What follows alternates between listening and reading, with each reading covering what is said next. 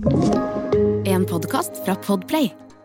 Før vi setter på den eh, det, Sånn at man på en måte har tenkt at nå starter det med det vi faktisk skal snakke om, så har vi et par ting eh, først, eh, Eirik. Og Det første er en ting som jeg skal ta, som er litt sånn alvorlig, og som gjør at jeg, det gjør litt vondt inni hjertet mitt. Og det er til, alle dere som har bestilt merchandise fra oss, T-skjorter og kopper. Eh, Så vil jeg bare si eh, beklager at det tar så fryktelig lang tid å få dette tilsendt. Rett og slett fordi nettbutikken har hatt eh, total kollaps. Eirik og jeg har hatt en liten debrief på det her nå. Nettbutikken Aka Nabogutten han har mistet fullstendig motivasjonen, så jeg kan love at etter i det du hører dette, kjære lytter, så er undertegnede i gang med å rydde opp og skal sende ut. Så det skal bli andre boller, og eh, alle som har bestilt, skal få, hvis dere fortsatt vil ha. Eh, og så må vi jo si tusen takk til alle som er med og støtter oss med å kjøpe eh, merchandise. T-skjorter, enten det er Werner eller romkapsellogo eller 1202, den seneste eh, kolleksjonen der, eller kopper for den sakens skyld, så man kan drikke det man vil oppi, enten man har laga det sjæl eller kjøpt det i spesialforretninger. Passer det oppi koppen. Eh, da har jeg sagt det jeg skulle si, og så, Eirik, så har jo du Kommer du nå til å vekte dine ord på sånn gullvekt eh, framover? Ja, vi må jo på en måte ta elefanten i rommet, som er en vits jeg har lov å fortelle fordi jeg ser ut som jeg gjør. Men altså, ja. Det kommer til å handle om eh, Vi må ha et par ord om, om hvordan jeg snakker. For her er saken. For noen dager siden startet en tråd på Twitter, og det var da vår lytter Kristoffer J, gitar og vræl, som sa Drikkelek med romkapsel hver gang Newth sier 'her er saken'. Smiley. Nemlig. Og så, og så begynte det å balle på seg, eh, og folk på Twitter begynte å henge på. Så la jeg det også ut på Facebook-siden. Og det viste seg at der var jo jeg, jeg var jo sant å si litt skuffet, og sant å si er en annen fast ting jeg sier, sånn by the way. Eh, jeg var litt skuffet over at ikke egentlig Facebook hadde fanget opp dette før, for vi jo, har egentlig mer aktivitet der. Men Twitter er Twitter. Twitter er litt sånn litt kulere. Og, og da kommer det fram da at det er et innmari godt poeng, for å si det sånn. Men ja, og men altså. Og så har vi favorittkommentaren, da. Den var jo nydelig. Det var eh, Håvard Vedvik som er, eh, skrev, skriver eh, 'Møkkings jeg nå, elleve minutter inn i podden'.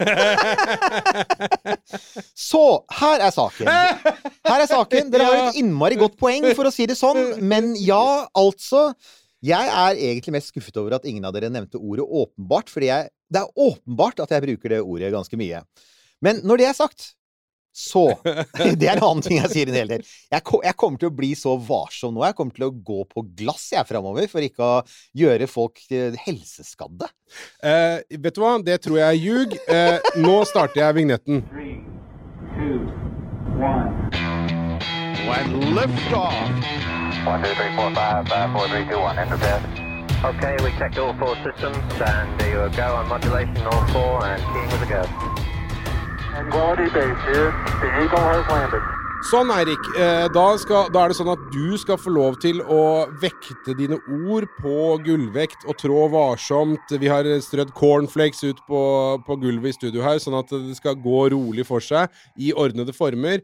Og så får vi håpe nå at dagens gjest ikke har liksom, tatt dette til seg og tenkt at fy fader, hva er det jeg Hvilke ord er det jeg bruker sånn hele tida? Hvordan er det jeg formulerer meg? Eh, for da, begynner, da kan dette bli ganske vanskelig. Eh, Maria Hammerstrøm, velkommen tilbake, Astro-Maria. Takk, takk. Eh, vi får ta det sånn credentials, da. Astronom, det har Eirik har skrevet. Designer, forfatter og ikke minst altså redaktør for det fysiske bladet Astronomi. Ja, Hvordan går det med bladet? Den går oppover. Gjør det det? Så Faktisk. koselig. Så hyggelig å høre. Det er et bra blad. Vi må bare si det igjen. Jeg tror vi sa det sist vi hadde, for Ja. du var jo ja, ja, hos oss før jul. Og bare si det igjen. Dere som hører på, dere, vil, dere som er interessert i romfart, dere vil finne mye bra i bladet Astronomi. Du får det på Narvesen, gjør du ikke det? Jo, i hvert fall noen. I hvert fall noen. Eh, Ja. Og, og ellers så kan du bli medlem av Norsk Astronomisk Selskap for å få det eh, garantert i posten. ja, det stemmer. Og det er også sånn jeg tenker at mange av våre lyttere antagelig ville ha glede av det, for Norsk Astronomisk Selskap, altså det er stjernehimmelen, det er der hvor romskipene går, romkapsel, astronomi, hallo. Mm. Men her er saken.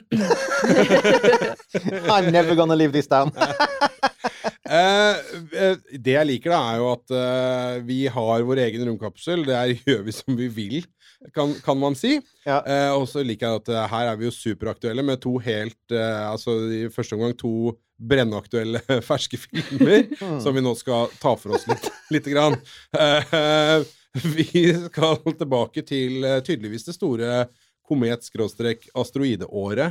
Var det noen sånne hendelser eh, rundt 7-96 som, som spøla dette? Kan dere som har peiling Da var jeg for ung til å vite hva som skjedde. Men altså, Så da ser alle på gamlingen i hjørnet her. Ja, ja, ja. og syv- Syvende far i huset. Ja. Ja, det var det. Jo, altså, saken er Dette her kommer til å bli et helvete, men ok, vi får bare kjøre. Ja. Helvete. Ja. Eh, jo, altså, det var jo På den tiden så hadde man begynt å bli mye mer opptatt av eh, jordnære asteroider og asteroidekollisjoner. Og det skyldtes jo oppdagelsen av dinosaurdreperen. Den eh, oppdagelsen skjedde rundt 1980, og så ble den popularisert på 1980-tallet. Og så begynte det å komme masse bøker om det. Eh, også sånn, altså science fiction-bøker knyttet til det. Sånn at på 90-tallet så, så hadde vi på en måte akseptert at en gang for lenge siden så hadde dinosaurene stor grad dødd ut pga. en asteroide. Og så kom da liksom den neste erkjennelsen, som er Oi, shit, det kan skje igjen. Ja. Og, og det, er, det, er, det er ganske tydelig på 90-tallet. Eh, blant annet så er det um, Tidlig på 90-tallet så er det en komet som faller ned på Jupiter, Shoemaker-Levi, og som lager et stort hull i atmosfæren til Jupiter. Det ble annet fotografert av romteleskopet. Det var, jeg holdt et av mine aller første publikumsforedrag om Shoemaker-Levi-nedfallet, husker jeg. Så det var sånn, for meg så har det en sånn litt spesiell posisjon. Og da var det sånn at, at folk sa Vent litt. Eh, Kan det, kan det falle ned en komet og lage et digert hull i atmosfæren på Jupiter, og med millioner av atombombers kraft? Kan det skje på jorda også? Og astronomene bare eh, Ja. det kan det. Okay. Og så kommer Hollywood. Og dette Ja. er da Hollywood har jo, som du sier, en sånn lead time på noen år. Ja, ja, jeg filmene det kommer tar jo litt 98. tid å skrive manus og bla, bla, bla. Filmene kommer i 98, men det er helt tydelig at folk i Hollywood da har sagt Vent litt, nå har det vært mye prat om dinosaurdrepere, og Schumacher-Levi, og astronomene sier at dette kan skje. Hva om det skjer på jorda? Dø, dø, dø. Og Jeg så skulle sprøtt at de kom samme sommeren, da. Ja, det er ikke det enten rart? Ja, for det, Vi har aldri klart å finne ut av altså, Nå Jeg skulle vi egentlig hatt bytta som der. her. Hun Ja, hadde visst det. Ja. Hvem som kom først, om det var Deep Impact som kom først, eller Armageddon som kom først. I mitt hode så var det Armageddon. Det var samme sommeren. Ja, ja, Det- men, Du jeg- tenker når de startet og sånn, ja? Jeg husker i hvert fall jeg så Armageddon først, tror jeg, og så tenker jeg at Deep Impact var en litt sånn blek kopi etterpå. Og så tenker du, Hollywood er jo, som du sier, det er en liten by, egentlig. Altså, Den er stor i utstrekning, men, men det er jo tross alt ikke så mange mennesker i filmindustrien. Så i så, sånn 1996-97 så har de da begynt å kaste til to filmer om det nøyaktig samme veldig eksotiske temaet, for ingen hadde jo lagd sånne filmer før det. Så det må jo ha vært en rar periode. Det er sånn, Hvem ender opp i den Ja, ene ikke- filmen, hvem det det? ender opp i den? Altså, du- Så ja. Den ene filmen fikk Morgan Freeman, som er en glimrende skuespiller, og den andre fikk da Bruce. Affleck og Bruce Billy Bob. Willis og Ja, og Billy ja, Bob og- Thornton og ja, og Liv, tror- Liv Tyler og Ja, Liv Tyler og eh, Ikke sant? Og eh, hva nå han heter, han andre der. Steve Buscemi med Ja. de rare øynene, Ja. for eksempel. Han er med der. I det hele tatt, jeg, jeg, tror, jeg tror nok de stakk nok av med brorparten av de tunge skuespillerne i Armageddon. Spilte ikke han eh, Harry Potter i Deep Impact? Nei, det er Elijah Wood. eh, Elijah som Wood er det der, ja. Det var det det var. Så Det stemmer, ja. Ja, de ligner. Det stemmer, ja. De er helt klart. Så, så ja, der er vi. Der er vi. Men uh, Her skjedde det igjen. nå- Bing! Folk begynner å bli fulle her. Ok, Uh, men det vi skal ta for oss da, grunnen til at Maria er her, er jo for at dette skal dreie seg om altså, antagonisten i disse filmene. Uh, de, disse tinga som skal ramle ned potensielt på jorda og føre til Armageddon. Verdens undergang. Ja. Eh, er det en komet, eller er det en, eh, en, eh, en meteor, eller, eller er det en asteroide? Hva, hva, hva er det? Det må vi først greie opp i. Ikke sant? Og det, er- her, er- er jo greia, Maria. Ikke sant? Her er greia, Vi har- vi har Her er greia. Vi har jo da, nå har vi jo sett disse filmene, og, og så vi ser jo at de er jo de er jo delvis faktabaserte. Det er litt viktig. Dette er ikke som for eksempel 'Ringenes herre' eller 'Harry Potter', som er fri fantasi. Det er en god del faktainformasjon i disse filmene. Det er det som gjør at jeg er litt interessert i dem. Fordi Ja. folk går og ser på dem på kino, og de ser at det Nei, handler folk går ikke og ser på dem på kino. Folk gikk og så dem på kino. Jeg har, faktisk nettopp jeg har nettopp vært og sett Top Gun på kino. Den kan for øvrig Ja, ja, anbefales den er veldig godt. varmt. Ja, ja, Den er herlig. ja, ja. Men det er noe helt annet. Jeg og alle andre på min alder for øvrig. Vi som gikk og så den første. Eh, ja, så folk gikk og så den på kino, og da så de jo ting som faktisk fins der oppe. Eh, Asteroider, kometer fins. Romskip fins. Det handler om NASA. Romferja er med i alle filmene. Den eksisterte jo. Og, og da Tidenes klasker, det. altså. ja, ja, absolutt. Så det er jo den derre greia med blanding av fakta og fiksjon som gjør at veldig mange astronomer jo har kommentert disse filmene også. Det er en annen ting. Hvis du går på nett, så vil du si at alle liksom Så du vil si at de kommer inn i kategorien science fiction? Du, du, du, Det gjør de. Mm, Ja. ja. En blanding, blanding av vitenskap og fiksjon. Det er for øvrig Ja. min nye greie, kjære lytter. Er du, du, du, det kan dere venne dere til. Det var Ta fram shotglassene. Så disse filmene. Ja. Uh, ta for eksempel ja, du, jeg, du, du har jo da, Vi har jo da laget, forberedt oss litt, grann, og du har jo Mm. laget et, eh, stort og glimrende dokument med, med Det var mye å ta fatt i, da. ja, det, var mye, det var mye å ta fatt i. Altså, Hva er forskjellen for eksempel, da, på Armageddon og Deep Impact? De kom samme sommer, Mm. men de er jo egentlig ganske forskjellige filmer. Du kan jo gjette hvilken film som hadde det største objektet. Ja. Hva- Som hadde største Ja, den største greia som skulle komme. Å, ja.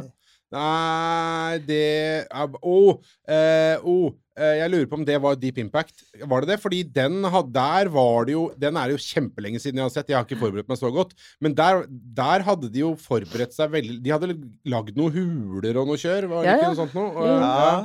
Så det må være liksom der hvor det kom til å gå verst. Nei. Nei, men Armageddon er Michael Bay. Ja, det- er det, det er Michael Bay. Det er, det, er, det, er, det er det som er svaret, egentlig. Ja. For, det, det er, for altså, Michael Bay er jo der. Han, vi, Det han største objektet med innebygde eksplosjoner. Ja, og greia er at alt som, alt, alt som du berører i Michael Bay-filmer, smeller jo. Ja. Så det kan være en død stein eller det kan være en kaktus. Det smeller. Ja. Så, så han tar jo skikkelig hardt i, han. Fordi de, Ja, for de sier i Armageddon at der er det en stein på størrelse med Texas. Og da tenker jeg at den beskrivelsen bestemte de først, og så fikk yeah. det bare være som det var. Vet du hva, det er en sånn litt rart... det er- Å, Ja. shit! Ja, det er svært, ja. For det er svært. Altså, Alaska er litt større, leste jeg. Men uh, Texas er sikkert kulere å sammenligne med. Ja. Så det er jo nest største staten i USA, og vil jo selvfølgelig virke utrolig svært. Og det er det jo, for det er jo latterlig stort. Ja. Hvis man ser på virkeligheten. For den er da 1200 km på tvers er Texas. ja. Og den skal da i filmen ha kommet, bli slått ut av asteroidebeltet og kommet til oss. Så hvis vi da ser på hva det største asteroidebeltet er, ja. under halvparten. ja. Og det er greia. Men under Det er Ja. fortsatt svært, da. Jo, det, er, så- det er fortsatt svært, men, men som Det er ikke det som er vanlig. Nei. Nei. og, og så store objekter har altså ikke for vane å bare forlate banen sin og begynne å fly rundt forbi.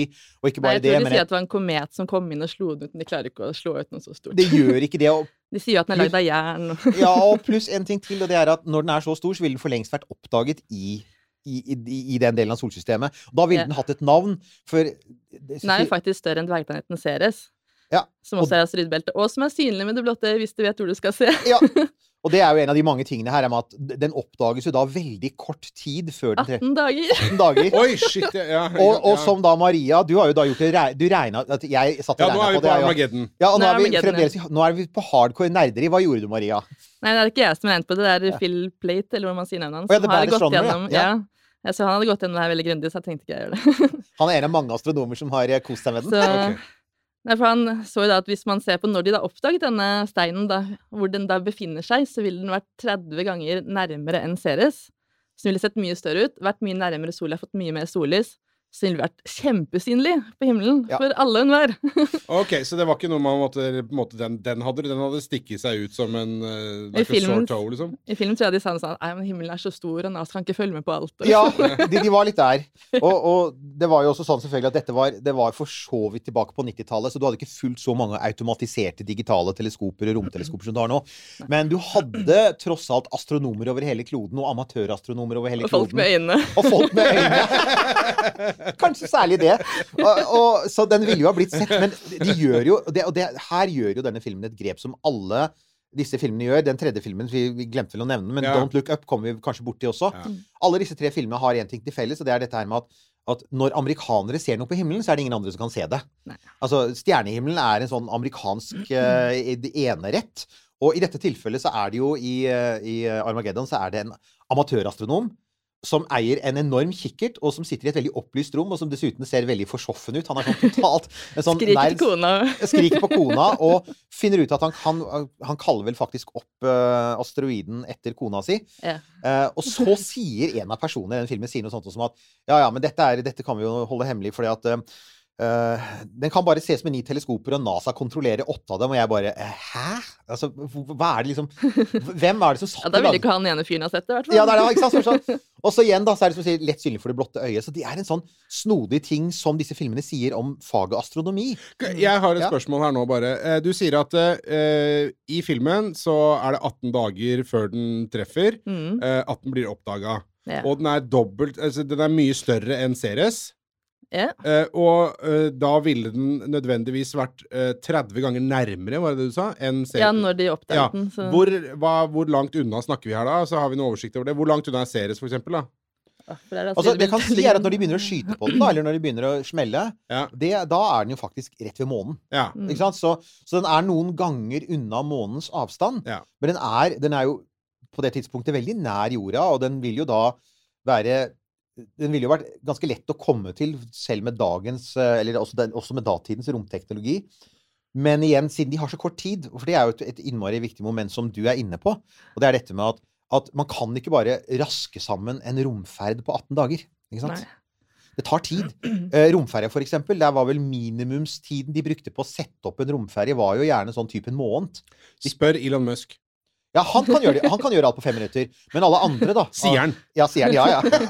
alle andre, de trenger litt tid, og det handler om alt mulig fra å, å faktisk eh, sette opp selve romskipet og skaffe brennstoff. Det snakker man ikke nok om. Nei. Men altså, romferja trengte 730 tonn med flytende brennstoff. Jeg driver og lager en annen podkast, så det er derfor jeg har det tallet i hodet.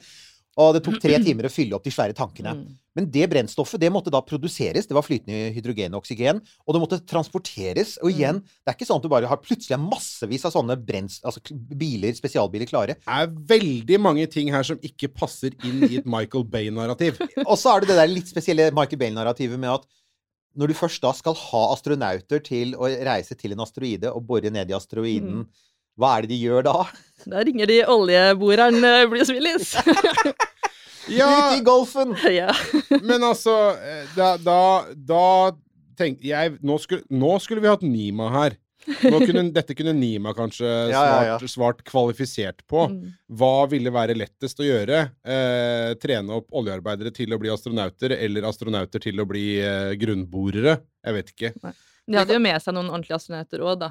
De Ja, som har skulle det. styre romskipet. Ja, de det var det, det er jo faktisk en litt sånn snodig ting som både den og Deep Impact gjør, og det er at de, de framstiller astronauter som litt av noen drittsekker. Det er ganske mye sånn personlige konflikter, og det er sånn der, I, I Armageddon så er de ar arrogante drittsekker som i løpet av et år ikke har klart å lære seg å bruke et bor, og som bare er nedlatende.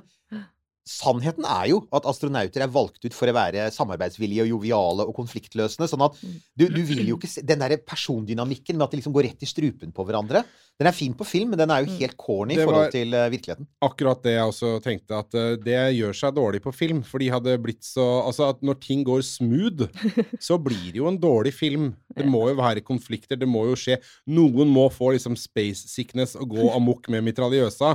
Hvorfor Ja, de hadde hadde med seg pistol på den der. Hvorfor de hadde med seg mitraljøse der, er jeg veldig usikker på, men det igjen, det lar vi ligge. Men uh, ikke Noen ting må du bare akseptere at sånn er det. Men Ja. eh, en ting jeg lurer på, uh, i den grad du har vært på en asteroide, Maria Mm. på, den, på denne asteroiden i Armageddon Ja. så er det jo et veldig, hva skal man si, travelt miljø.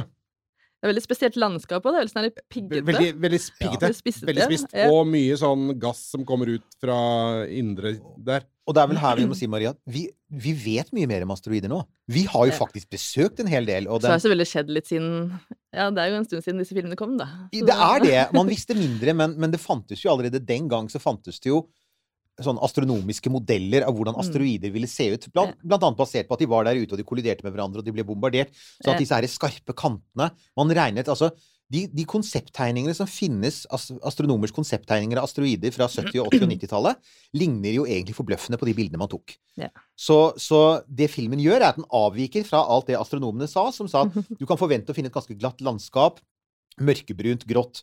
Eh, ikke noe særlig Ikke noe sånn skyer over, for det er jo sånn Særlig i sluttsekvensen i Armageddon så er det sånn svære isfjell som flyr over, og det er jo som ikke det er noe Ja, tyngdekraft.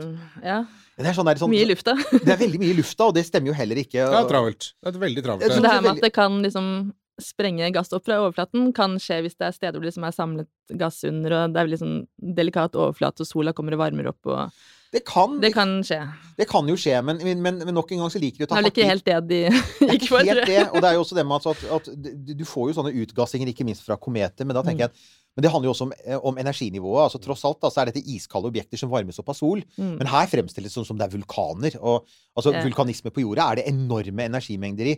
Det er energi i kometer, men det, det vil være så Disse prosessene er ofte mye Du, langsommere og hei, svakere. nå sier du komet. Og Er vi, vi, for vi er på en asteroide Ja, vi er på en her, asteroide her, sorry, ja, det, ja. For det, komet er noe annet. Komet er is. det er is igjen, eh, og de, og de, de kan ha litt rarere utseende. Ja. Men, men asteroiden eh, som, er, som kommer inn her, da, Mm. som plutselig dukker opp i solsystemet, som ingen har sett før Ja, bare, den, I den, Don't Look Up så er det en komet. Jeg husker ikke helt hva det var Deep Impact som Deep Impact er en komet.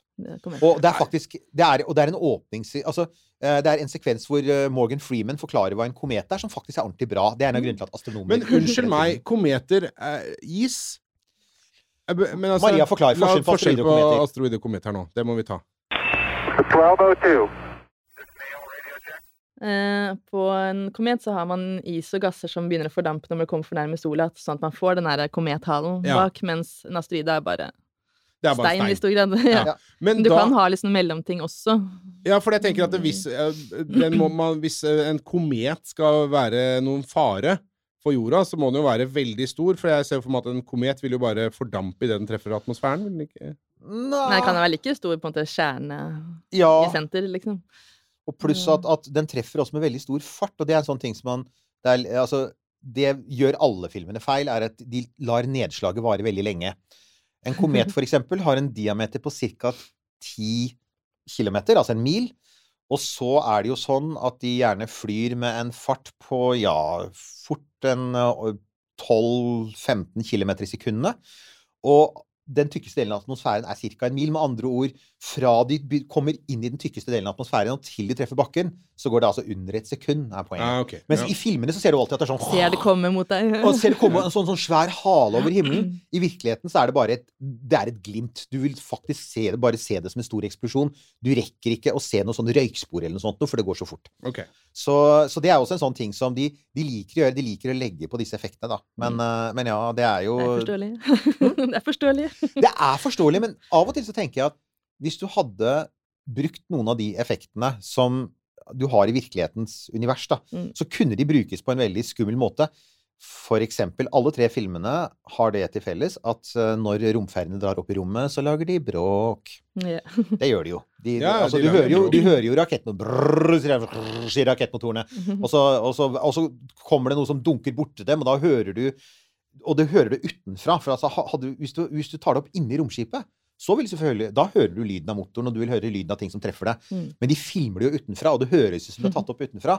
Og det er sånn Jeg skjønner hvorfor de gjør det, men tenk på da Tenk på åssen det hadde vært hvis det hadde vært helt stille. Altså, ikke sant? I, I rommet kan ingen høre deg skrike. Mm. Alien. Ja, og, ja. Dødsstille. Ikke Ja, det var en film som hadde helt stille, jeg husker ikke om det var Interstellar eller Marsen. eller Interstellar har, har, eh, har, det, Marsen har det, de har jo musikk og sånn, men de har ikke den derre Her har du lyd. For det var en sånn eksplosjon hvor det ikke kom noe lyd. Det var sånn. Og da er det så kult, for det er Ja. jo ikke det man venter seg. Den filmen som tar det lengst, det er jo 2001 En romodyssé.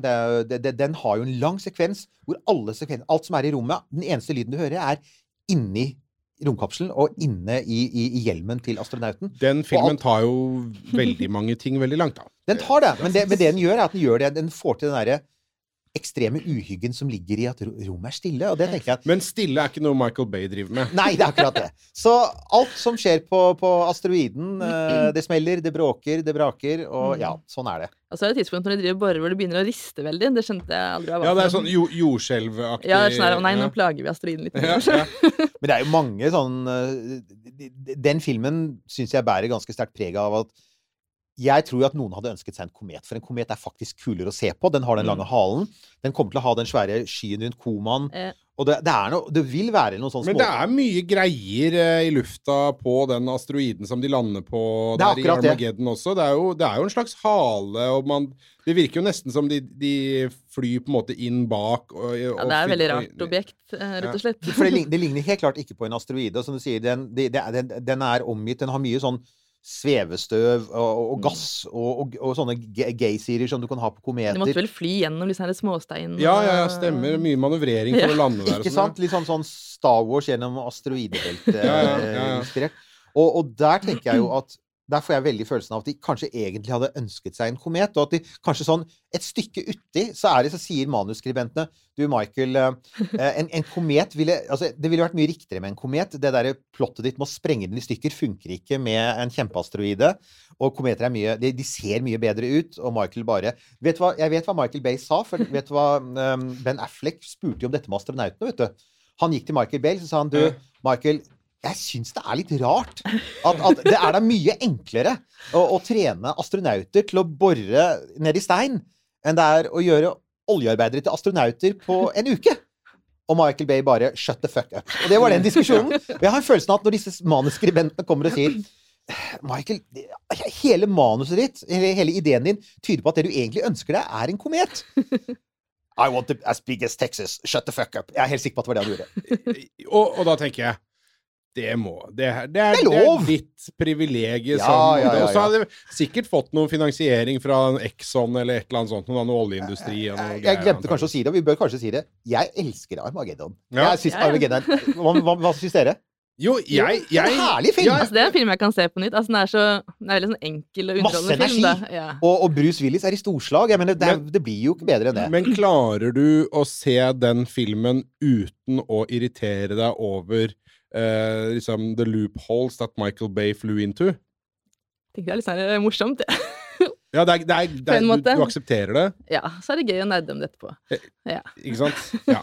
Jeg, og når man Du ser klager sånne meg ikke der og da. Nei, så nei, du, du klarer å nyte filmen. Ja. Det er jo litt som Altså, jeg anmeldte jo Moonfall, den siste Jeg har ikke sett den ennå. Nei, den, den anmeldte jo jeg for bladet Astronomi, så den, dere kan dere lese anmeldelsen der. Men der, jeg, jeg så jo det, jeg så den jo på kino, og da sitter jeg jo på kino og så tenkte jeg Jeg, jeg har en sånn liten sånn derre teller i bakhodet. Pling, pling, pling. Som når Eirik sier 'saken er at', og jeg sitter og sier «Æ, 'lyd i rommet', pling, ikke sant? Så, og så bare Ja. fortsetter det. Eh, så ja, hver gang det er sånne klare brudd på fysikkens lover Det, jeg, det er én ting som faktisk irriterer meg, og det er når de gjør grep som de, Hvis de hadde gjort det riktige grepet, så hadde det vært like bra, hvis du Ja, ikke sant. hva jeg mener. Det er så unødvendig. Ja, altså, det er, sånn, det er sånn unødvendig. Du kunne faktisk laget like mye drama ved å gjøre det riktig, men så velger de av en eller annen sånn De skal gjøre det enkelt for seg selv. Og det er, det er når, jeg, når jeg ser sånn kreativ latskap Du Mm. merker at manusforfatterne kanskje ikke har anstrengt seg særlig. De tok ikke den ekstra telefonen. Ja, At de ikke bryr seg, da, rett og slett. Ja, rett og slett ikke bryr seg. Og det er sånn litt sånn slapt håndverk. Det syns jeg da, da blir jeg irritert. Men, men, men å leke seg med fysikken er jo bare gøy. Men det er når du kommer til sånn derre De tar en sånn standardløsning. Som sagt, lyd i rommet. Det, jeg synes det, er, det, det gjør alle nå, og, og da tenker jeg Tenk om noen kunne leke seg med det. For det går an. Gravity, den gjør det ganske snedig. For der, Ja. der har du Kessler-syndromet, dette med at Mm. satellittene begynner å gå i oppløsning og lager dette beltet. Og en romstasjon blir ødelagt, øh, og, og to astronauter havner i trøbbel. Og når, når det skjer, da merker du veldig tydelig at uh, altså da, alle lydene du får, er jo da faktisk via instru ja. mikrofonene, Ja, ja. via romstasjonen. Og så kuttes lyden når noen dør, ikke sant? For at, Mm. eller når hjelmen sprekker, så blir jo lyden borte. Sånne ting. Og det er faktisk veldig effektivt. Det er en innmari god scene. Det er den beste scenen i hele filmen. Ikke regissert av Michael Bay. Nei. Uh, men en ting jeg bare sitter og ser i uh, notatene her nå, som vi må nødt til å snakke om før vi går videre, Mm. er uh, Vi stopper litt grann ved denne enorme asteroiden som da truer jorda eh, på rekordtid. Den har sneket seg forbi alle som kan se, både med blotte øye og teleskoper og kikkerter og eh, altså nedsatt syn. Eh, og da plutselig en, eh, utgjør en trussel for hele menneskeheten. Den er jo enorm. eh, like stor som Texas. Fryktelig svære greier som plutselig dukker opp fra intet. Mm. Realismen i det har vi jo da uh, slått fast at er bortimot uh, lik null, fordi den er altfor stor og ville blitt sett for lenge siden. Men Mm. uh, i virkeligheten finnes det noe. Vi har jo sagt at nei, ikke så stort. Det er et eller annet i, i asteroidebeltet som er 600 Eller halvparten av Texas? Eller Ja, 600, 500 er det. ja, 500, Vesta. ja, Vesta. Mhm. Vesta var dit jeg ville. Ja. Hva er Vesta, og hvor er Vesta, og er Vesta farlig? Nei, den går jo fint rundt i asteroidebeltet, den, som Mm. mest annet. så ting kan jo bli slått eller dratt ut fra asteroidebeltet, men likevel så er jo sjansen bitte, bitte, bitte liten minimal for at den skal treffe jorda av alle steder.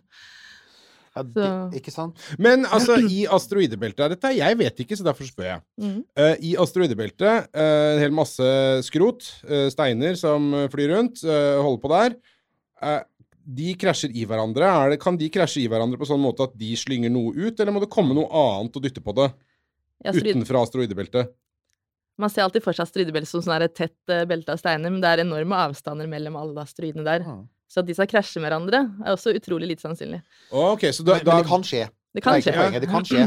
Og altså, du kan si det er jo og astro, Selve asteroidebeltet der Vesta går, er jo ikke egentlig noen trussel mot oss, men det er jo noen asteroider som har kommet ut av beltet av ulike årsaker, og som har begynt å komme inn i baner som gjør at de krysser jordas. Mm. Og da kommer vi jo til det som, som de, disse filmene egentlig ikke tar opp på noen god måte, og det er at de, de er alle sammen veldig opptatt av at vi blir tatt på sengen av noe som kommer sånn helt plutselig utenfra. Mm. Og sannsynligheten for at f.eks. en komet som kommer fra det interstellare rom, plutselig skal være på, på vei rett mot jorda, er ekstremt liten.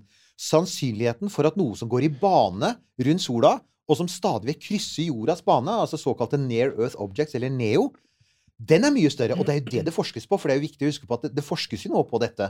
Og det man da, når, når NASA driver og legger sine planer, så, så, så legger ikke de egentlig planer for at Tenk om det kommer en interstellar komet, og den plutselig er på kollisjonskurs, og vi oppdager den 18 dager før. Det de er opptatt, er opptatt av, er å se på disse objektene som vi kartlegger stadig flere av. Vi har, er det 28 000 eller sånt nå, som vi nå har kartlagt, og vi finner stadig nye, noen nye. Og de er opptatt av å følge dem best mulig. Også i det store materialet med baner, og se om noen av disse objektene av og til havner på samme sted til samme tid som vår kjære jord. Mm.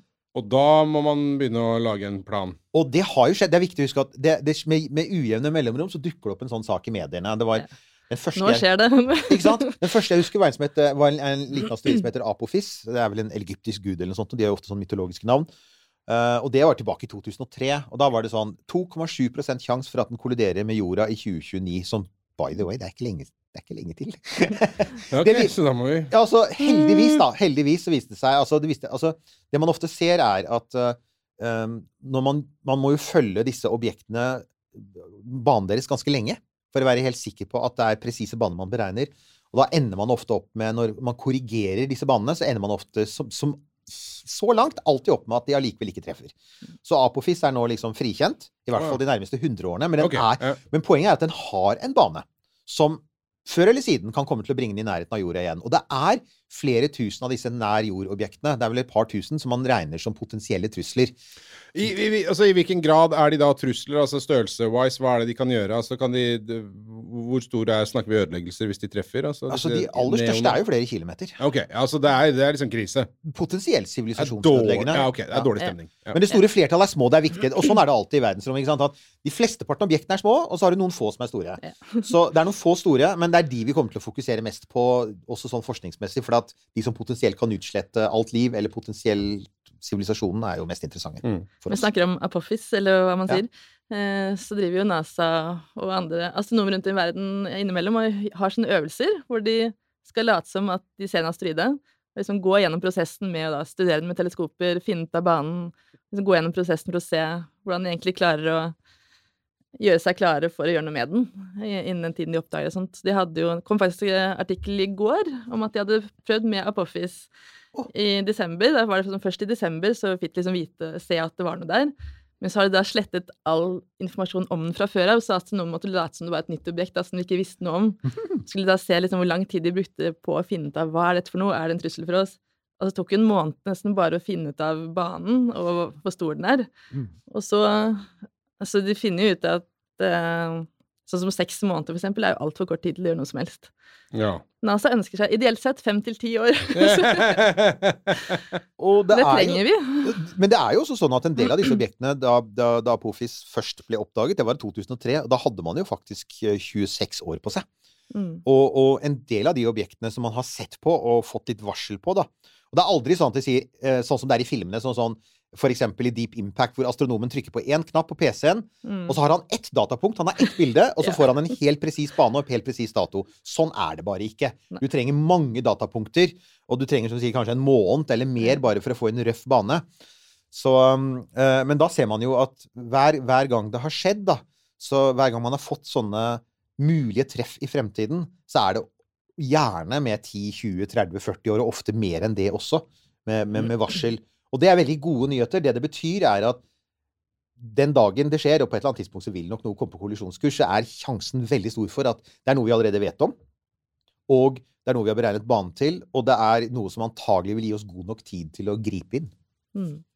Det er det mest sannsynlige. Ja, så da har man, da har man, da har, man har noen år på seg til å finne ut hvordan man skal gjøre det. Om det er å hente noen folk fra en plattform ute i Nordsjøen og sende de opp, eller Altså, det er, Man må jo holde, holde alle dører åpne. De er flinke til å bore høl, da. Altså, disse filmene har jo Både Deep Impact og Armageddon har jo det samme problemet, og det er jo dette tids, tidsperspektivet. Den lange tiden, altså 50 Det er det største ankepunktet. Ja, jo, altså tids, Jo, men altså, er det det største ankepunktet? På en måte så er det den komprimerte tiden. Men jeg skjønner jo hvorfor en regissør som Michael Bay, som liker action, Mm. vil ha 18 dager. For at da går, ikke sant, bang, bang, bang, da må det skje noe hver dag. I virkeligheten så ville det antagelig da vært måneder, kanskje år. Og prøv å, for, prøv å skildre livet til, til Bruce Willis og hans ville gjeng av venner i årevis. De, liksom, de rekker å bli gamle og få helseforsikring, og noen havner med prostataoperasjoner, og noen får barnebarn og sånn. Og så endelig skal de av gårde. Nei, nei, det er 18 dager. Det er sånn Å, du må bare hi- hibbe ut disse her arrogante NASA-astronautene og bare gå rett på sak. Jo, jo. jo, jo. Ja, forresten, det er én scene i den filmen som er helt legendarisk, og det er en av grunnene til at jeg elsker den filmen. Når de lander etter at de har reddet jorda Husker, husker du hvordan de, de De lander jo med romferja. Ja. ikke sant? Ja. Husker du hvordan de kommer ut av romferja? De kommer på redningssklie. Eh, ja, det, ja, det var det. Ja, og han derre digre, han svarte Jeg husker ikke hva han het. Han, han kjempesvære, som også er med deg, en av, som, en av disse her Han har jo hatt masse svæ- svære roller. Um, han, å se han hoppe på den sklia liksom, Den sklia blir jo seende ut som en sånn liten uh, sånn bilbane. Men først og fremst er det sånn De har landet trygt. De har all verdens tid. Eh, Og så, så hvorfor i all verden skulle Dessuten, selvfølgelig, romferja har ikke sånne redningssklier. Sånn by the way. Ja, hvordan kommer de seg ut, da? Eh, Ja, så, det, så, de, så, de har da, så de blåser opp disse redningsskiene, hopper ned og sklir ned og løper sånn som sånn barn ut av gårde. Istedenfor å bare vente på at man triller bort og åpner døra, som er det man gjorde i virkeligheten. Ja. Så, så det er det, Men det er, det er Armageddon. Men, men du har dette tidsproblemet, og i Deep Impact så løser man jo det ved å ha at halve filmen egentlig ikke handler om kometer i det hele tatt. Det handler om det som skjer på jorda. Ja, De har en mer interessant handling, egentlig, sånn sett. Armageddon handler jo egentlig bare om dette oppdraget for å sprenge eh, asteroiden. Mens i Deep Impact så fokuserer de mye mer på hva som skjer på jorda, hvordan menneskeheten, eller amerikanere, reagerer på det, og presidenten er inne i bildet, og de snakker om, som du nevnte, her med at de har um, laget så hule i fjellet, hvor Ja. de satte av plass til en million mennesker. Så vidt jeg husker, så var vel halvparten var sånn for, forhåndsbestemt at dere skal få være med. Så var det sånn lotteri med siste halvdelen, og kaoset som oppstår da. og jeg Jo. synes det var ganske interessant. Da, Ja, det er jo akkurat det den som- biten er faktisk Ja, god. ja, den biten er Og den biten i Deep Impact er interessant. For, for der kan man altså, altså, det ville jo blitt altså, et helvete. Det er samme som de har i den her eh, 2012, er det den heter? Ja. Hvor uh, stå, jordas rotasjon stopper uh, og noe greier, og det blir, alt blir bare Ja, det, er- det er Roland Emrik. Det er han eh, andre som liker det. ja, ikke sant? Alt i, eksploderer. Alt, alt bare kollapser. Og det, går- for der har du disse arkene som de har bygd, uh, hvor det bare er sånne rikfolk, sånne ekle, rike russiske oligarker og sånn, som har kjøpt seg lugar. Eh, og altså, det er jo det, det er jo et eller annet med den prosessen der som, som man føler på seg på en annen måte, når, Ja. når, når dørene stenges, da, og alle de som blir stående utafor. Og så har man jo ikke Dette her har vi vært innom før, for det er jo et eller annet med de valga man har tatt, som selvfølgelig er igjen, da. Eh, Hollywood har gjort noen valg. Men det er jo mulig å påstå at de folka som blir valgt eller skråstrek har kjøpt eller, eh, eller korrupsjonert seg inn, Mm. eh, er vel ikke de man er mest hypp på som skal starte sivilisasjonen på nytt, Ja, det var det, da. tenker jeg. uh, men det, det er noe, så en annen sak. Men, men uh, jeg husker at jeg syntes det var fryktelig uh, ubehag... Altså den biten var sånn ubehagelig Mm. og litt, litt for ekte, på et Ja. vis. For det er noe med å velge én over en annen. Mens Armageddon er mer sånn gung-ho, here we go-greie. og uh, Nei, var det så kort tidsfrist. Det var liksom, Ja, enten går det, Du eller så går det kunnet Du hadde kunnet bygge noen huler, ikke sant? Det er akkurat det. Det, er- det er jo det, det, er, det er ganske sånn smart håndtert, egentlig. Fordi du har jo dette med hva som skjer når familier splittes opp. Mm. Fordi det er jo i, ikke sant, En av hovedpersonene Ja, ja. hun, hun kan bli med inn i hulen fordi at hun er gift med han fra Ja, de gifter seg plutselig altfor for unge. For, for at hun skal kunne bli med. Og plutselig så innser hun at alle hun er glad i, blir igjen utenfor og kommer til å dø. Ja. Uh, og det er jo en situasjon som vil oppstå tuser på tuser på tuser av ganger i en sånn situasjon. Mm. Og det er jo mye av psykologien rundt det. Og jeg tenker at ofte i disse katastrofefilmene så er man altfor lite fokusert på det. Man er, man er fokusert på at folk flykter, og det smeller og bråker. Men, men dette som skjer med familier, og det som skjer med foreldre og barn, og hvordan samfunnet organiseres For eksempel så sier jo da presidenten, Morgan Freeman, sier da at han har Det blir unntakstilstand, det, ikke sant? og det er, blir sånn eh, portforbud og pris- og lønnsstopp i hele landet, sånn at det, i hele den perioden som er igjen før kometen treffer. Og han holder jo faktisk noen gode taler. Og den siste talen han holder, når, han, når de innser at liksom det, det siste salven med raketter heller ikke fungerte, den er, den er god. altså Der er han veldig god. Så jeg syns jo at uh, den, den har en sånn der emosjonell undertone. Sånn, sånn ganske trist og sår undertone, Mm. som er veldig bra. Definitivt. Ja, og, og den syns jeg den faktisk greier bedre. For egentlig så gjør jo Don't Look Up det samme, for det ender jo også veldig galt. Men Don't Look Up er så mye satire at det på en måte forsvinner litt i satiren. Ja. Den har en sånn avslutning der den eh, kometen som han velger å ikke velger å ikke ødelegge fordi at eh, han derre Elon Musk-aktige gründeren finner ut at jo, men det er så mye penger å tjene på at den ødelegger atmosfæren. Mye penger i råstoffet. At, Veldig mye penger Ja. er fantastisk. Ja, men jeg eh, tenker at e- Deep Impact handler jo egentlig ikke om det. Den handler jo om noe helt annet. Det er jo satire på politikk og en eller annen sånn uh, fakta versus uh, opinion-greie. Det fins en, en vitsetegning som egentlig oppsummerer uh, Don't Look Up veldig godt, og det er den derre disse som sitter rundt et bål i en hule, og så er det sånn eh, folk i fillete klær, og så er det én fyr i dress, og så sier han eh, For a brief shining moment we created, we created great shareholder value. Ikke sant? Yeah, yeah, yeah, det, er liksom, det, det, er, det er egentlig Don't Look Up i et nøtteskall. Som er sånn Ja, når det kommer til stykket, så er vi idioter. Vi tror ikke på sannheten. Og uh, det kommer en eller annen næringslivsdude og fucker opp hele greia for oss. Men ellers så har jo den mye av det samme. Da. Det, det som er best, det, noe av det beste med den, det er jo faktisk hvordan den skildrer astronomer. Ja. For selve prosessen, ikke sant. Det, det, er, det, er jo til og med, det er jo til og med et ekte teleskop de henviser til, i hvert fall. Ja, de sier at det er Subaru-teleskop på Hawaii. Jeg vet ikke om det er der de har filmet. Det klarte jeg ikke å finne ut. Men eh, Og nå forventer jeg at noen, hvis ikke du reagerer, så må jo noen reagere på Subaru. Ja, hva med det? Subaru? Ja, ja, det, altså, det er eh, Jeg vet jo Subaru, altså bilprodusenten Subaru. Nemlig. det er teleskop som heter det òg. Ja, ja, ja, ja, det har jeg hørt om. Du må forklare fellesnevneren her. Altså hvorfor det heter Subaru. Ja, det stemmer. Det er disse stjernene i logoen. Ja, det Ja. er sjustjerna. Sjustjerna er i logoen på bilen. Og det er, du ser det på bil, bilskiltet, og du ser det faktisk, og det er Subaru. Oh, ja, ja. Så derfor heter det Subaru-teleskopet. Og, og der, men der er det jo sånn at eh, Ja, som du sier, altså det, er, det er en scene der hvor, uh, hvor eh, Le- Leo uh, Leonardo DiCaprio Han er jo astronom, en av astronomene der. Han, han løser alt på tavla, men det er jo ikke helt sånn.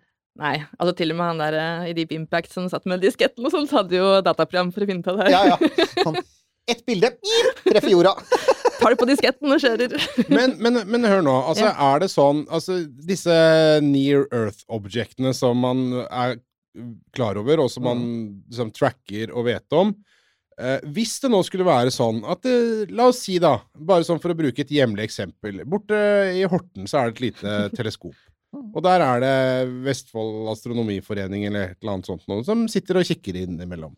Og hvis det da var sånn at de satt og kikka en kveld, Mm. og så app, app, app, app, app. Der var det et eller annet. Er det da Har de en Finnes det noen sånn klar linje for hvordan dette skal foregå, og hvem de kontakter osv., for å liksom få verifisert om dette er noe nytt, eller om dette er noe de veit om? 1202. Da har vi Minor Planet Center, som blir kontaktet av folk daglig om, som har observert ting. Og så sjekker de opp i sine databaser er dette noe vi kjenner til fra før, eller ikke. Hva, hva kalte du det? Eh, Minor Planet Center. Minor Planet Center? Ja. Ok, hvor, Og dette er noe som finnes er det, Hvem er det som Hvor er dette? Det er vel et, akkurat, det er vel NASA et eller annet, kanskje. Det er Mm. kanskje samarbeid mellom flere. Men Ja, det har eh, eksistert ganske lenge, tror jeg. ja, akkurat hvem som styrer det, er jeg ikke sikker på. Så det er en slags sånn gule sider for himmelen, på en måte? eh, Ja, så der kan man rapportere inn ting man observerer, og så sjekker de. Og hvis det er noe man ikke har i databasen, så blir det selvfølgelig å følge opp, da. Ja, ja. Og da får man lov til å gi den navn? Man får i Ja, hvert fall navnet sitt på den. Det der med å gi navn til himmellegemer er jo altså Og det er jo, man har litt dårlige erfaringer med det, fordi at plutselig så heter det Coca-Cola eller Adolf, ikke sant? Og det er eh, Så Men sånn Men som er komet, i hvert fall, blir gjerne opp, oppkalt etter personen som oppdager det, med etternavn. Ja, det er jo, i, det er, det er, jo, en av, det er jo en av de morsomme scenene i uh, Deep Impact. Altså, Kometen heter jo Wolf Biedermann fordi at uh, astronomen, astronomen het Wolf, og han amatørgutten Mm. han heter Biedermann. Eh, og der hvor han står, i, i, står i, i gymsalen og forklarer alle elevene liksom sånn, Han er liksom skolens helt, og får høre hvor utrolig, hvor utrolig ettertraktet han nå vil bli. Fordi, fordi han, han har oppdaget kometen. I 16 dager. I 16, ja, det er nemlig Nei, det. det var, det var Armageddon. Det er, Ja, så de har litt mer tid på seg. Et år på seg, ja. Å, herre fred. Men da skulle man bare utnytta det året for hva det var, alt det var verdt. Men det er jo en sånn annen sånn, sånn antiastronomisk sånn fascinasjon som jeg har med de filmene, og det er at som regel så vil de objektene som først blir ødelagt, det er f.eks. en storby. New York blir Mm. ofte truffet. Og ikke, for, det er for så vidt en veldig bra scene i Armageddon med to karer som står og krangler. Jeg tror de står og krangler om bikkje eller noe sånt. Og så plutselig så er det, diskusjonen avsluttes av en eksploderende meteoritt. Ja, ja, ja. ja, den, ja, ja, og selvfølgelig ja. eksploderer den, for det er Ja. Michael Bay. Men, men det er noe med dette her med at storbyer og kjente landemerker er litt sånn magneter for meteoritter i filmer. Det er ikke så farlig hva som skjer med resten, vel? Nei, men, men så tenker jeg også, men for å minne meg, Jeg, jeg regna på det, jeg, da. Jeg fant ut at Manhattan da, utgjør altså 0,0001% av jordas areal. Så det er altså omtrent sannsynligheten for at det blir truffet. Mm. Og likevel så er Manhattan er jo en magnet for monstre og meteoritter. Det veit vi jo.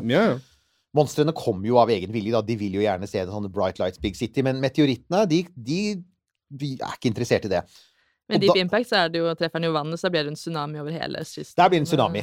Men jeg blir jo litt fascinert av altså, for, altså, Det er jo tross alt slik at når noe treffer, da Når meteoritter faller ned, så er det veldig sjelden de treffer en storby, er egentlig poenget. Mm. Fordi at de aller fleste meteoritter faller jo ned over ubebodd land, de faller Ja. ned over hav. ikke sant? De fleste, og noen av dem er ganske store. Det har falt ned ganske store ting i jordas atmosfære som ingen har sett fordi det falt ned over havet. Hvor stort kan det være uten at det er noe fare? Det kommer an på oppbygging av objektet, da, om det som er jern, eller eh, om det er mer sånn løst opp i det, om det splitter seg opp i atmosfæren og bare brenner opp, eller hva som skjer. Ja, og, og, og, og også nøyaktig hvor det treffer. For jeg tenkte, Ja. Mm. Du hadde jo denne Tsjeljabinsk-meteoritten, og den var vel var det 2013 eller 2011, husker jeg ikke. Men det er en del år siden nå. Ja, borti Den- Russland. Ja, og, ikke sant? Mhm. og den eksploderte med en kraft som en liten atombombe. Sånn, litt sånn nabolaget av Hiroshima-bomben. Den smalt veldig høyt oppe.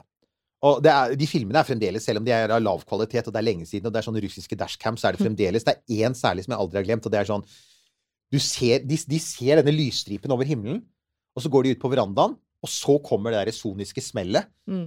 Og så kommer lyden av vinduer som singler i hele nabolaget, fordi at da har det gått ruter i hele byen. Og det, en av de tingene man var redd for tilbake på 80-tallet Carl Sagen var en av de som, tok, som snakket om dette. Det var, det var på den tiden man begynte å bli opptatt av sånne meteorittnedfall. Det var faren for at en sånn ting falt ned over en russisk rakettbase. Ja. For hvis det er slik at den går i oppløsning rett over rakettbasen, så er igjen De faller ned så fort at du ser ikke det lange røyksporet som forteller deg at dette her er en meteoritt. Du bare ser en, et glimt og en eksplosjon.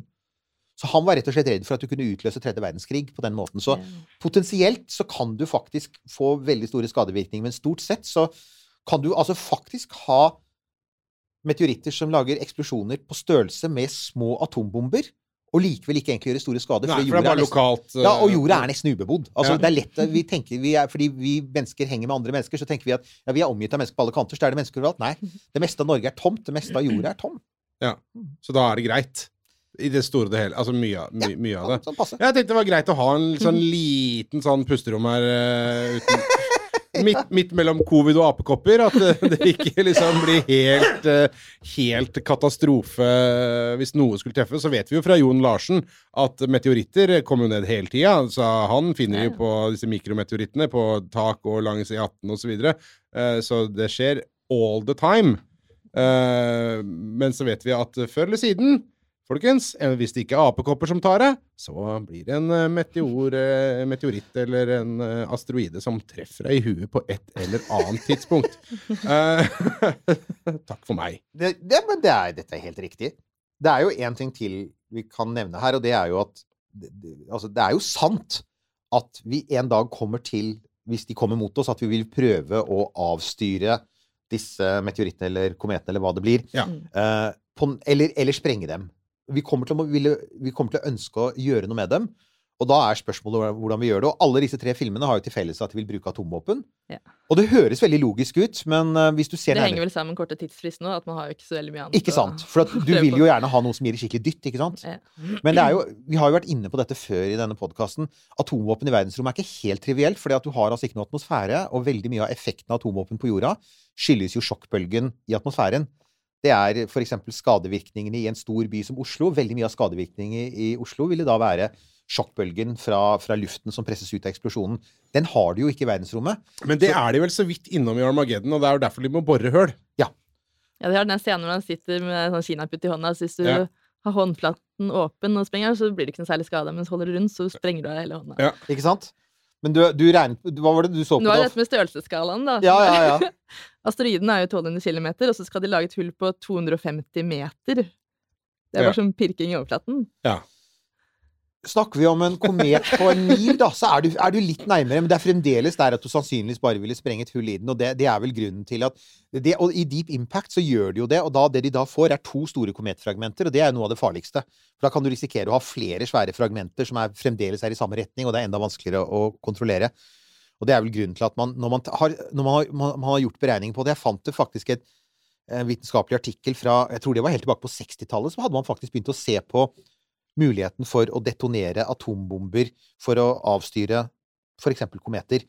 Og det man fant ut, var jo at du ikke skulle forsøke å smelle rett inn i dem. Det ville jo uansett være meningsløst, fordi du risikerte da bare at, at bomben sa splatt før den rakk eksplodere. Men at du skulle opp på siden, eksempel, og så skulle du veldig nær innpå, og så skulle du bruke varmen fra eksplosjonen, for den har du fremdeles. Om ikke du har en sjokkbølge fra luft, så har du fremdeles varmen, og den varmen ville da smelte overflaten, og det ville gi en sånn raketteffekt. Mm. Og den er reell, sånn at det, det som ikke er tull her, er at atomvåpen kan antagelig brukes mot slike objekter. Men det er jo ikke det NASA holder på med nå, da. Nei, de har jo dært oppdraget sitt. Mm. det er så Mm. gøy. Det skal jo komme fram i høst, så blir det spennende. Er det, er, det, er det allerede i høst det skal være framme? Ja. Ja, i er september, tror jeg. Ja, men Det stemmer nok. Vi har jo en egen så- sending om det, så den Ja, får vi dere gå og finne i arkivet vårt. føltes som det var i går at den ble skutt opp, men uh, det er jo en stund før siden. jul eller noe. Så, Det var, ja, det var i så tar jo nesten et år bare å komme dit, ikke ja. sant? Det er akkurat det, og der har du det igjen. Og, og Dart er jo da i den heldige situasjonen at den skal, den skal bare styres rett mot denne lille asteroidemånen. Og da er det helt ok at de flyr rett mot hverandre. Og det er en sånn annen ting som Det får faktisk de to filmene som da handler om å lande på en asteroide og komet og sprenge den. Eh, Og det er altså Deep Impact og Armageddon. Begge filmene gjør én ting riktig, og det er at du kan ikke bare fly rett mot den og lande. For at, altså, den kommer mot deg i 100 000 km i timen. Du flyr mot den i 30 000 km i timen. Da kan ikke du bare snu og lande. Da splatter du. Så det du må gjøre, er å ta den igjen. Du må komme opp på baksiden. Du må liksom få nei, mer eller mindre samme bane som den. Og begge, i begge filmene så gjør de det, selv om i Armageddon så gjør de en da, Den er allerede ved månen når de skal prøve å sprenge den. Mm. Så de gjør en, Og heldigvis står månen rett ved siden av kometen. Det er en veldig, eh, asteroiden, så det er en kjempefordel. Ja, ja. Så, så de skal gjøre en svingom rundt månen og bruke månens tyngdekraft. uh, og da det en, uh, De har da 11G, altså 11 ganger tyngdekraften, i romskipet under det. Og jeg kan si at jeg tror ikke romferja var bygd for 11G. Og som da Steve Buscemi, som da er en av rollefigurene der, han sier jo i filmen at dette her er jo Wild E. Coyote. Dette er en Per Ulv-manøver. Alt du mangler, er en stor magnet og en sprettert, og så er det liksom der vi er. Men, men det skal de ha. De kommer opp på baksiden av kometen, og det gjør de også i, eh, i, i Deep Impact. Så de har skjønt det at hvis du skal myklande på en komet, så må du matche banen. Du kan ikke bare fly rett mot den, for da, da smeller det. Mens hvis du skal forsøke å bruke en klump til å få den til å forandre bane, sånn som Dart gjør, da, kan du da, da vil du ha høyest mulig fart. Så da vil du faktisk treffe den smack på. Så da trenger du ikke ta det hensynet. For i det øyeblikket du skal matche banen til en komet eller asteroide, da tar det enda lengre tid. Fordi Jo, for det, det- den har jo da denne svære banen som den går rundt sola i solsystemet, så da må du liksom først ut, og så må du inn igjen og på baksiden. Oh, ja, sånn, ja. ja. Og det er derfor NASA snakker om sånn typ som for eksempel fem til ti år, fordi at de veit at det å, å, å, å komme i nærheten av dette objektet og begynne å påvirke det, hvis ikke du som sagt skal bare smelle inn i det, det, det tar tid. Det. Det, er bare, bare det å fikse den banen tar mange år, og så er det da du må bygge romskip, og du må trene opp folka, og du må Ja, alt sammen. Skrive programvaren. Så eh, til de som sitter nå og tenker at eh, hm, det kunne vært gøy å ta tak i dette temaet igjen, dette asteroide som truer jorda-temaet, eh, skal vi komme med noen gode råd da? Eh, for det første, eh, dette Her må du se Det blir en lang film. Vi kan begynne der. Er det noe annet dere vil ha med ut fra sånn faglig ståsted, som er viktig å ha med, da? Altså hvis vi skulle lagd en ny film, liksom. Ja, ja, ja! ja, ja. En realistisk en, tenker du? La oss bare, skal jeg bare begynne å notere? Skal vi altså, alle realistiske filmer om, om, om verdensrommet blir veldig kjedelig pga. all tiden det tar. Da. Ja, ja. Men la oss, la oss prøve å liksom komprimere det ned nå. Ikke tenk Michael Bay, vær litt mer på Sigrid Lavransdatter. Kristin Lavransdatter. for Den er jo Altså, drøy, husker jeg. Et element som jeg syns de ofte Som de misser her, og, som, som, og, og, og du nevnte det i dine notater hva er, det, hva er det Kina driver og holder på med nå? Du sa noe om at Kina også er interessert i dette? Ja, jeg så bare en artikkel som sa at Kina også har tenkt til å sende et annet til asteroider for å gjøre noe i 2025 eller 2026. De Det står prøver å ingenting om hva de skal, eller hvor de skal. Ikke sant? Så As de er, per usual med Kina. jo, men altså, det, det er jo altså, der, der har du faktisk et Bare der har du et potensielt plott som amerikanerne misser. For at de er så opptatt av å fortelle at bare amerikanere kan reise i rommet og oppdage ting. Nå er Kina Vi tror vi kan være enige om at Kina er, for, er på full fart ut i rommet. ja, ja. De har et kjempeambisiøst romprogram. Og som du sier, de, de gjør dette. De er på Mars, de skal til månen. De skal bygge en ny stor bærerakett. De skal bygge en ny romkapsel som skal ha interplanetarisk kapasitet. Med andre ord så, så er det en mulighet for i et filmmanus å få til det konkurranseelementet. For det mis... Det, det, det, det, her er det jo sånn at all All handling og all indre spenning da, handler egentlig om konflikter blant, amerikanere. ikke sant? For at de, de, de der ute er jo ikke noe. Russerne kan ikke noe, kineserne kan ikke noe, så vi er ikke noe konkurranse. Vi er jo best. USA, vel- USA! I Don't Look Up så var det vel noe om at det var noe Europa eller Russland som også bygde noe som de sprengte i stykker. eller Ja, ja, det gikk selvfølgelig i stykker på. For at E- ESA har aldri skutt opp en vellykket uh, øh, Unnskyld. Men er det, er det lov å håpe, da? Det er, jeg, det er fortsatt lov med veldig blå øyne og skinnende blondt hår og foldede hender og nyvaskede ben. Måtte eh, tro og håpe at eh, hvis noe sånt skulle skje, hvis man da skulle oppdage en liten gærning, som, eller en stor gærning, som har tatt seg tur og er på vei, og treffer oss om en eh, ide, Hva var det ideelt sett? Fem til ti år? Fem til ti, altså. Ja, Jo lenger, jo bedre, da. Ja, ja. La oss si ti år, da. Det er bare sånn det er enkelt å regne på. Mm. Eh, så kan jo være lov å håpe at uh, det ville vært et slags globalt samarbeid for å unngå uh, en global uh, total ødeleggelse. Og basert på den veien som mange Hollywood-filmer har tatt de senere åra, med at de i f.eks. i Independence Day 2 Der har de jo med kinesere. Fordi det kinesiske kinomarkedet er så svært. og videomarkedet. Så vi kan jo håpe på at uh, neste Det er setningen som aldri har blitt, sagt før, eksempel i Independence Day 2. Den er, det, er, det er første gang i historien jeg at visste ikke at den fantes, jeg. Nei, der har du det. Den, heter, Og den er fæl, den filmen. Jeg har sett den opptil flere ganger. Å, ja, ja, ja. Å, og, den, og den er så åpenbart sånn, eh, sånn derre eh, det- det Degge for det kinesiske publikummet med sånn derre For, for en setning til som aldri har blitt sagt. For eksempel sånn som de gjør i Starship Troopers 4. det verste av alt er Det ble jo faktisk lagd noen oppfølgere. eh, Yes, rett, til, rett til video. Jeg tror Ja. ikke de er så veldig gode. Nei. Jeg har ikke, villet uh, utforske akkurat det triste der, for Starship Troopers 1 er jo så bra. Ja. det det den. Eh, Fascistisk vidunderlig. Ah. Ja, men, men ja, det var, det var en sånn ting som uh, så dette med- Pling! Ja, pling. Ja. Hvis det fremdeles er noen som er våkne, eller som er i stand til å stå på beina etter den. Men så konkurransemomentet, for eksempel. At det er et, at det er et romkappløp, det kan være. Eller Også, samarbeid. Eller samarbeid. Og så fins det altså, If you're listening, Michael you, could, you can also use asteroids as weapons. You could guide them towards the earth and kill us all. Og Just saying. Ja eh, Å, gud. Eh, Expanse. Der gjør de jo det. Ikke sant? Ja. Så, så Marco Inaros! For det er jo, det er jo Og det er en sånn helt Nå, nå ligger det litt dødt, for de firmaene som var opptatt av det, de fins ikke lenger. Men det var jo en periode det var veldig mye interesse rundt dette her med eh, asteroidegruvedrift. Ja. Eh, Det, det- var en del startuper som viste seg hadde litt flere Ja, de hadde litt flere gode ideer enn de egentlig hadde penger. Men Det er det mange som har. det er det mange som har. Og vi skal ikke se, bort- skal ikke se bort fra at det blir en virkelighet i fremtiden. At noen da på et eller annet tidspunkt får teknologien og pengene. Og da kommer vi til å ha akkurat dette spørsmålet med at vi frivillig skyver asteroider nær jorda for å bruke ressursene.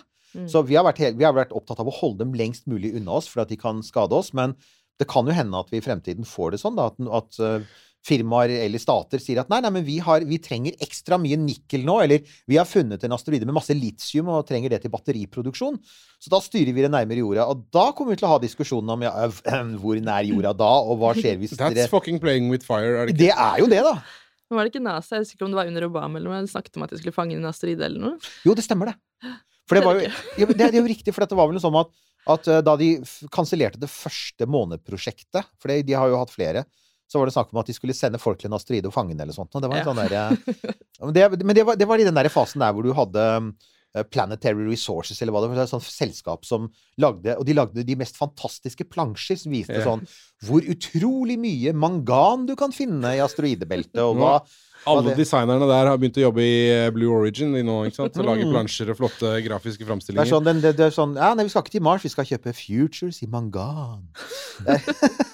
Det høres fint ut, da. Det høres jo veldig bra ut, da. Men, men det er altså bare sånn Jeg ble litt fascinert av den ideen, jeg. Ja. Det høres jo innmari skummelt ut, men samtidig, er, er det mulig? Altså, kunne, de- kunne man sett for seg at det, Noen har jo åpenbart sett det for seg, men kunne det latt seg gjøre? da, Og så tenke at eh, vi, vi, vi tar denne asteroiden og bruker den til noe? Ja. Det er jo mulig i teorien, men, men det er det der med å, å flytte Hvor skal du gjøre den, da? Kan du legge den i bane rundt jorda? Du Liksom? kan det, men det jeg tror Parkere den ved siden av altså James Webb?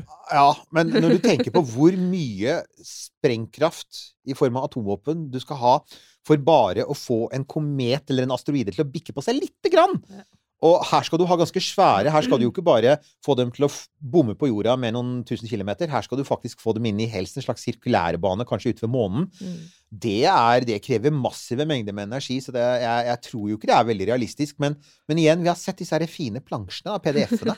Så det kan jo hende. Det er noen der ute som har en bro de vil selge. Fagfolket sitter og ler. Uh, skal, jeg, for- skal jeg komme med en sånn siste grunn til at jeg Nå er det drit lenge siden jeg har sett Deep Impact, og jeg skjønner jeg har noen sånne filmer på lista som jeg, jeg skjønner at jeg må se opp igjen.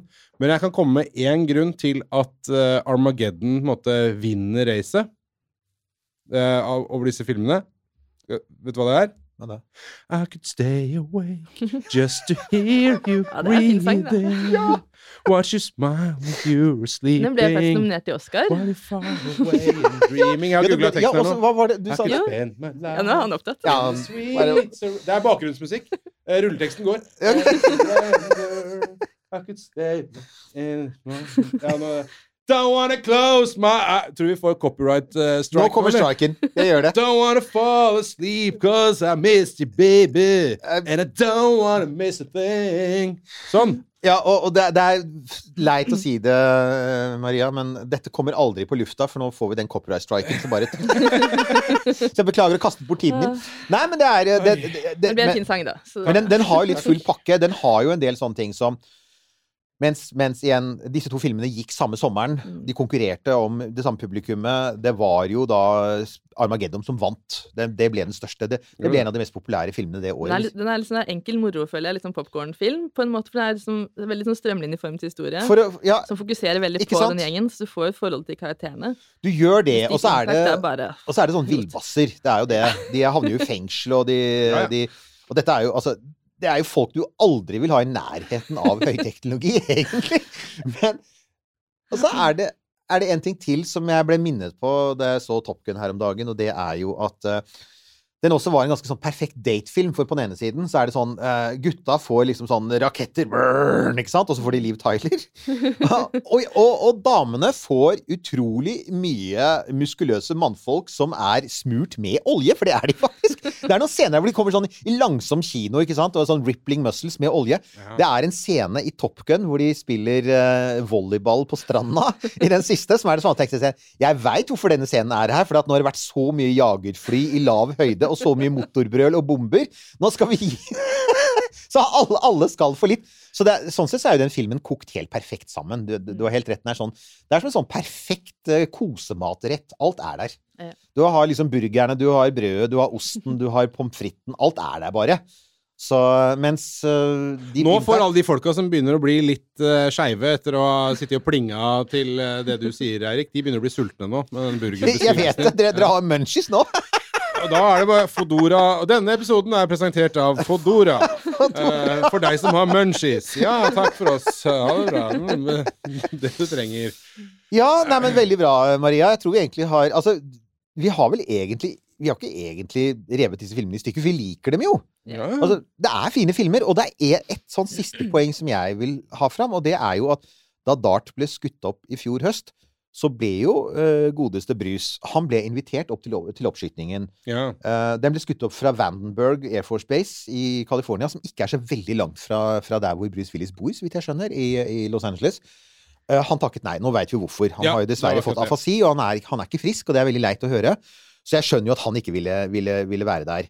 Men jeg syns jo det var veldig raust av NASA, for at det de egentlig da gjør, er at de anerkjenner at det disse to filmene klarte, det var å sette Near Earth Objects og, og faren for kollisjoner i rommet på dagsorden for et stort publikum. Mm. Mye mer enn presentasjoner og vitenskapelige artikler kunne gjøre, så kunne Hollywood ta det som Ok, det er statistisk veldig lite sannsynlig, det har vi kanskje glemt å si, men det er veldig små sjanser for at dette skjer, ikke sant? Mm. Det er Sannsynligheten for at noen her eh, som hører på dette, noensinne skal oppleve det, for eksempel, er forsvinnende liten. Jeg pleier å si det at når folk snakker om ja, dinosaurdreperen. Ja, men prøv å finne noen andre dinosaurdrepere. Altså prøv å finne noen andre like store nedslag på jorda. For øyeblikket så har vi ikke funnet noen andre. Vi har det ene. Så det, det er sjelden. Men det er likevel en ting å være opptatt av, og det er viktig at vi følger med på verdensrommet nær oss. Og NASA fikk mye mer oppmerksomhet, og helt klart også ressurser til å gjøre det. Vi hadde neppe fått DART hvis ikke det hadde vært for at folk flest er blitt varig opptatt av dette etter de filmene. Det tror jeg vi kan si. Ja. Så I så måte så er de filmene vært veldig nyttige som en sånn der folkeopplysning for å si at fenomenet fins, og, og kanskje vi bør gjøre noe med det. Vi bør i hvert fall ha et lite blikk på himmelen.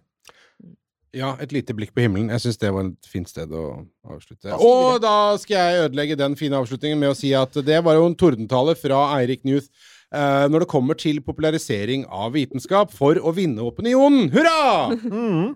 Det er vi alle enige om. Det er en innmari god idé, som jeg pleier å si. Mm. Pling! Sånn. Eh, gå inn på fodora.no eller appen der, og så får du det du trenger. Eh, takk for oss. Vi er på de vanlige stedene. Eh, romkapsel.no. Eh, bestill eh, merch, så lover jeg at nå skal du faktisk få det snart. Eh, ikke noe kødd, jeg skal gjøre det sjøl. Se en film mens du venter. ja, se en film mens du venter. Kan jeg foreslå for eksempel Deep Impact eller Armageddon? Kanskje Don't Look Up hvis du ikke har sett den.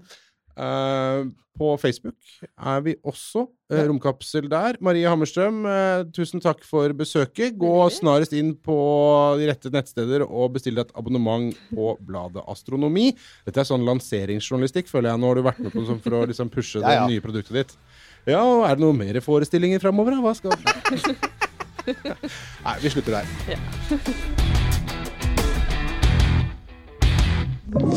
Du har hørt en podcast fra Podplay. En enklere måte å høre podcast på.